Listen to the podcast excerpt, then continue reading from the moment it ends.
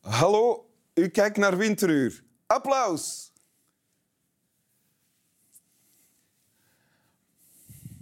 Obrigat por vos applaus. En welkom in Winteruur, Bart van Negeren. Goedenavond. Um, we hebben in Winteruur al hoofdredacteuren en belangrijke figuren gehad van de Knak, van De Morgen, De Standaard, De Tijd, uh, het Nieuwsblad, Het Laatste Nieuws. Maar de hoofdredacteur van Humo uh, hadden we nog niet tot bij ons gehad. En dat heeft te maken met het feit dat uh, u een eerder mediaschuw personage bent. Klopt dat? Ik stop mijn tijd en mijn energie in het maken van een blad en een website. Dat leek me het belangrijkste. maar toch heb je tijd weten vrij te maken voor ons vandaag. Uh, hoofdredacteur van Humo. En um, notwaar angsthaas ook. Je hebt bovendien vannacht nog gedroomd uh, dat voor het eerst de hond van Winteruur een gast zou aanvallen. Ik ben blij dat jij hem onder controle weet. Ja, we gaan zien hoe het loopt. Ja, je hebt een tekst. Maar als ik, ja, als ik dan toch laatste woorden moest voorlezen, dan waren dit... Uh... Ah ja, dan gaan dat de laatste ja. woorden zijn. Ik weet al wat mijn laatste woorden zullen zijn. Namelijk? Dit zijn mijn laatste woorden. Sterk, Wim, sterk. Ik begin. Onrust.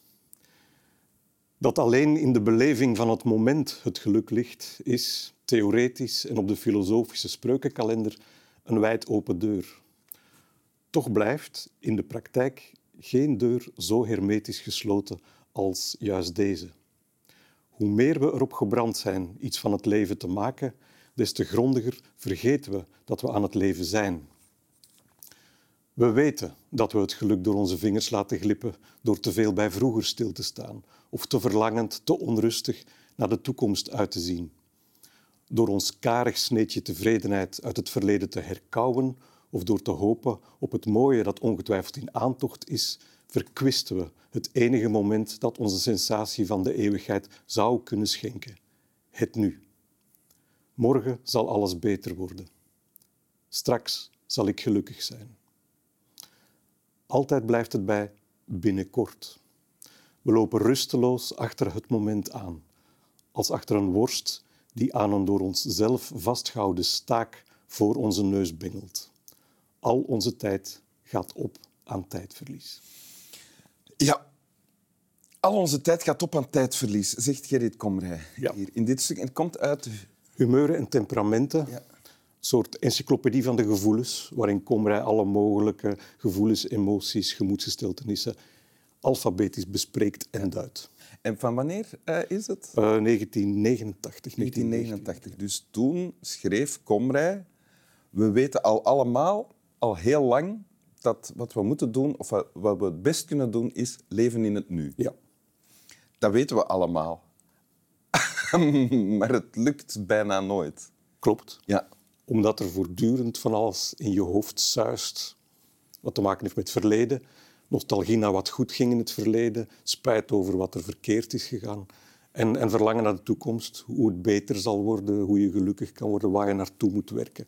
En die bezonjes houden mensen in die mate bezig dat ze vergeten nu te leven en dus voortdurend hun tijd verspillen. Ja, je zegt mensen vergeten, dat gaat, gaat dan ook over jou, neem ik aan. Wel, toen ik het las, uh, was dat een kleine schok van herkenning. Ja, dit gaat ook over mij, natuurlijk. Ja. Hm.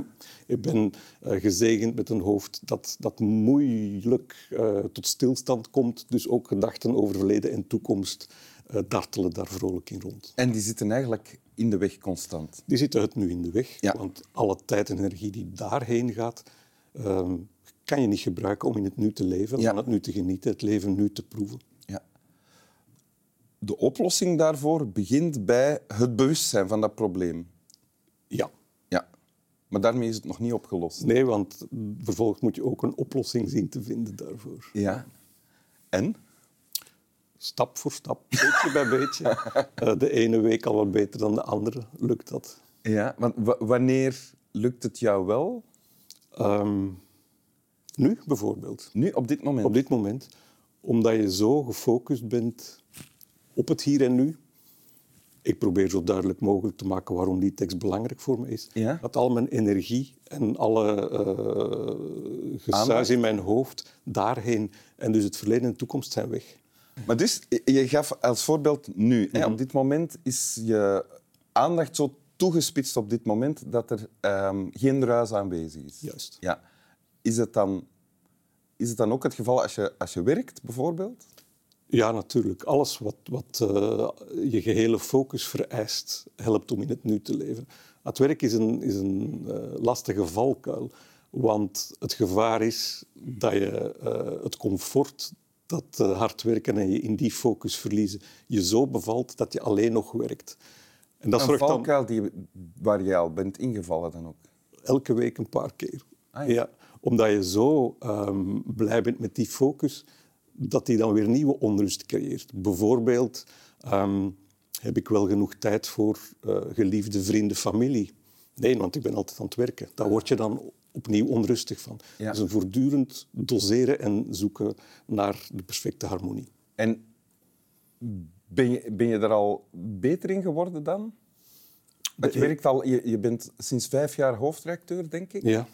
Eh, maar je werkt al meer dan 25 jaar voor Humo. Ja. Als en in allerhande hoedanigheden. Ja. Eh, maar hetgeen wat het meest je tijd, en je, eh, je tijd opslorpt, is hoofdredacteur zijn, denk ik. Dat klopt natuurlijk. Ja. Ja. Het is iets wat nooit stopt, waar je permanent mee bezig bent. Dus het zoeken naar verlossing daarvan is, is moeilijker.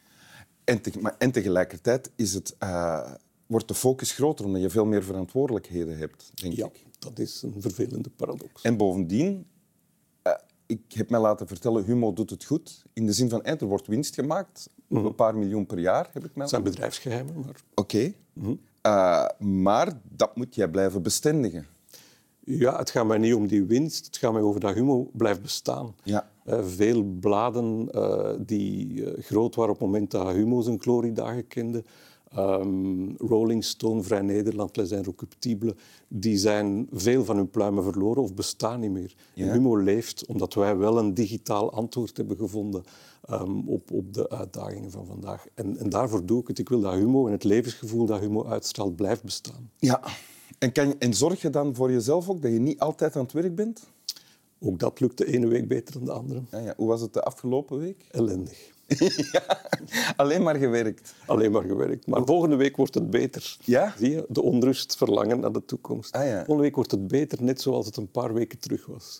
De nostalgie van het verleden, verlangen naar de toekomst, onrust. Is dit een tekst die je al lang kent? Ja, ik Ja. heb hem voor het eerst gelezen toen ik eh 1920 was in Humo. Gerrit, In Humo? Ja, Gerrit Komrij publiceerde in, Ja? in Humo. Om zijn levensgevoel en dat van Humo zijn natuurlijk dezelfde. Komrij heeft wel eens gezegd van ik ben een eeuwige puber, weiger op te groeien. Dat is wat Humo is. Lachen met alles en iedereen, onszelf in kluis. Een beetje eh, naar autoriteit kijken met het idee van we geloven je niet. Op zoek naar het mooie, het schone. Enfin, alles waar Humo voor staat, dat eh, kende Komrij ook. En dus, toen ik twintig was, eh, las ik dat stukje over onrust. En ik dacht, tja, daarom valt het mij zo lastig om rust te vinden. Heeft het je geholpen dat je het toen hebt gelezen? De ene week beter dan de andere. Niet dus. Wil je toch nog eens lezen? Toch, ja. Onrust. Dat alleen in de beleving van het moment het geluk ligt, is theoretisch en op de filosofische spreukenkalender een wijd open deur. Toch blijft, in de praktijk, geen deur zo hermetisch gesloten als juist deze. Hoe meer we erop gebrand zijn iets van het leven te maken, des te grondiger vergeten we dat we aan het leven zijn. We weten dat we het geluk door onze vingers laten glippen door te veel bij vroeger stil te staan of te verlangend, te onrustig naar de toekomst uit te zien. Door ons karig sneetje tevredenheid uit het verleden te herkauwen of door te hopen op het mooie dat ongetwijfeld in aantocht is, verkwisten we het enige moment dat onze sensatie van de eeuwigheid zou kunnen schenken. Het nu. Morgen zal alles beter worden. Straks zal ik gelukkig zijn. Altijd blijft het bij binnenkort. We lopen rusteloos achter het moment aan, als achter een worst die aan een door onszelf vastgehouden staak voor onze neus bengelt. Al onze tijd gaat op aan tijdverlies. Dank u wel. Graag gedaan. Slap wel.